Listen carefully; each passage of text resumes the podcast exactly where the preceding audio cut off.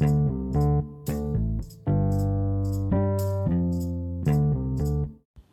hai semuanya. Yeay, akhirnya kita masuk di episode pertama NAD HB Nah, mumpung kita baru masuk di hari kelima 2021 nih Tapi aku tetap ingin mengucapkan selamat tahun baru 2021 buat kita semua Semoga apa yang kita ingin capai di tahun ini bisa tercapai dengan lancar ya teman-teman. Tetapi kalaupun ada yang hmm, mungkin takutnya nggak tercapai atau nggak sesuai dengan apa yang kita harapkan juga nggak apa-apa. Perjalanan masih panjang kok guys. Jadi di episode kali ini apa ya yang kita akan bahas? Menarik nih. Pasti hampir semua atau bahkan semua teman pada tahu satu kata ini. Udah nggak asing ya di telinga kalian yaitu resolusi. Terutama resolusi tahun baru.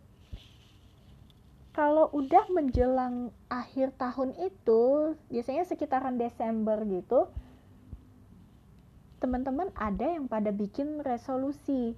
Bahkan sampai ditulis di atas kertas tetapi apa sih sebenarnya resolusi itu resolusi itu kalau menurut pemahaman aku sendiri ya itu adalah suatu mm, pernyataan berupa tulisan bisa berupa tulisan yang apa namanya isinya bisa mengenai sesuatu yang direncanakan untuk perkembangan diri. Namun aku juga ketemu nih di KBBI. Kalau menurut KBBI resolusi itu bisa sebagai pernyataan tertulis dan biasanya berupa tuntutan kapan hari itu aku sempat bikin survei. Aku melemparkan pertanyaan ke followers-followersku yang berupa ini pertanyaannya. Perlukah membuat resolusi tahunan atau tahun baru dengan pilihan jawaban ya atau tidak? Setelah aku lakukan survei ini, ternyata ada beberapa teman yang merasa perlu bikin resolusi tahunan. Tetapi ternyata ada teman-teman lain yang menjawab gak perlu. Berbagai alasan deh. Aku sebutkan dulu ya yang apa namanya yang merasa perlu bikin resolusi tahunan atau tahun baru. Yang pertama alasannya adalah ta agar tahu goal apa yang ingin dicapai di tahun itu ini seperti definisi resolusi yang tadi aku jelaskan di awal-awal. Tetapi dengan catatan kita harus benar-benar komitmen dalam menjalaninya. Kalau misalnya kita udah buat resolusi tetapi kok kita nggak jalanin sih? Ya sia-sia juga. Masa udah susah-susah bikin resolusi tapi ujung-ujungnya kita nggak jalanin? Ya bohong juga. Dan kedua ah, ya alasan kedua ya apabila ada sesuatu yang kurang baik atau tidak baik terjadi sama kita dalam contoh kegagalan itu bisa dijadikan pacuan untuk kita berjuang lebih gigih di tahun selanjutnya. Sharing sedikit, aku sharing sedikit ya ini waktu tahun lalu itu aku aku sempat apply beasiswa untuk studi di salah satu negara, ya di luar negeri. Tetapi setelah aku apply beberapa bulan kemudiannya itu dapat email. Mereka mengatakan bahwa aku nggak dapat beasiswanya itu kecewa ya jelas kecewanya waktu itu aku bukan main bukan main sama sekali rasanya kayak mau nangis gitu kok bisa sih aku nggak dapet beasiswanya ini sampai pada akhirnya aku mikir ah sudahlah mungkin pada saat itu aku memang lagi nggak re rejeki. Ya belum lagi situasi di dunia ya kalian pada tahu lah sampai sekarang gimana. Dan di situlah aku kayak mikir aku harus belajar lebih giat lagi. Kesempatan untuk belajarku itu masih banyak terutama dalam belajar dan mendalami bahasa ke negara yang akan aku tuju. Di situ itu gunanya resolusi sebenarnya.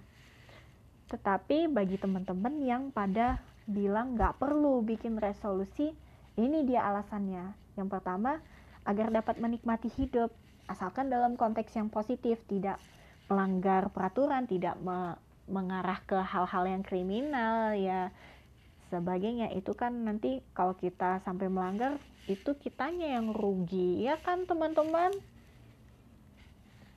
Kedua jika membuat resolusi itu ya apa namanya entah yang yang udah pada bikin atau yang belum pada bikin itu takutnya kalau misalnya membuat resolusi itu bisa takut kecewa pada akhirnya bagi teman-teman yang udah pada bikin resolusi itu sekalipun udah dijalanin sesuai apa yang kita ingin capai tetapi hasilnya nggak sesuai yang kita harapkan itu ya kecewa pastinya.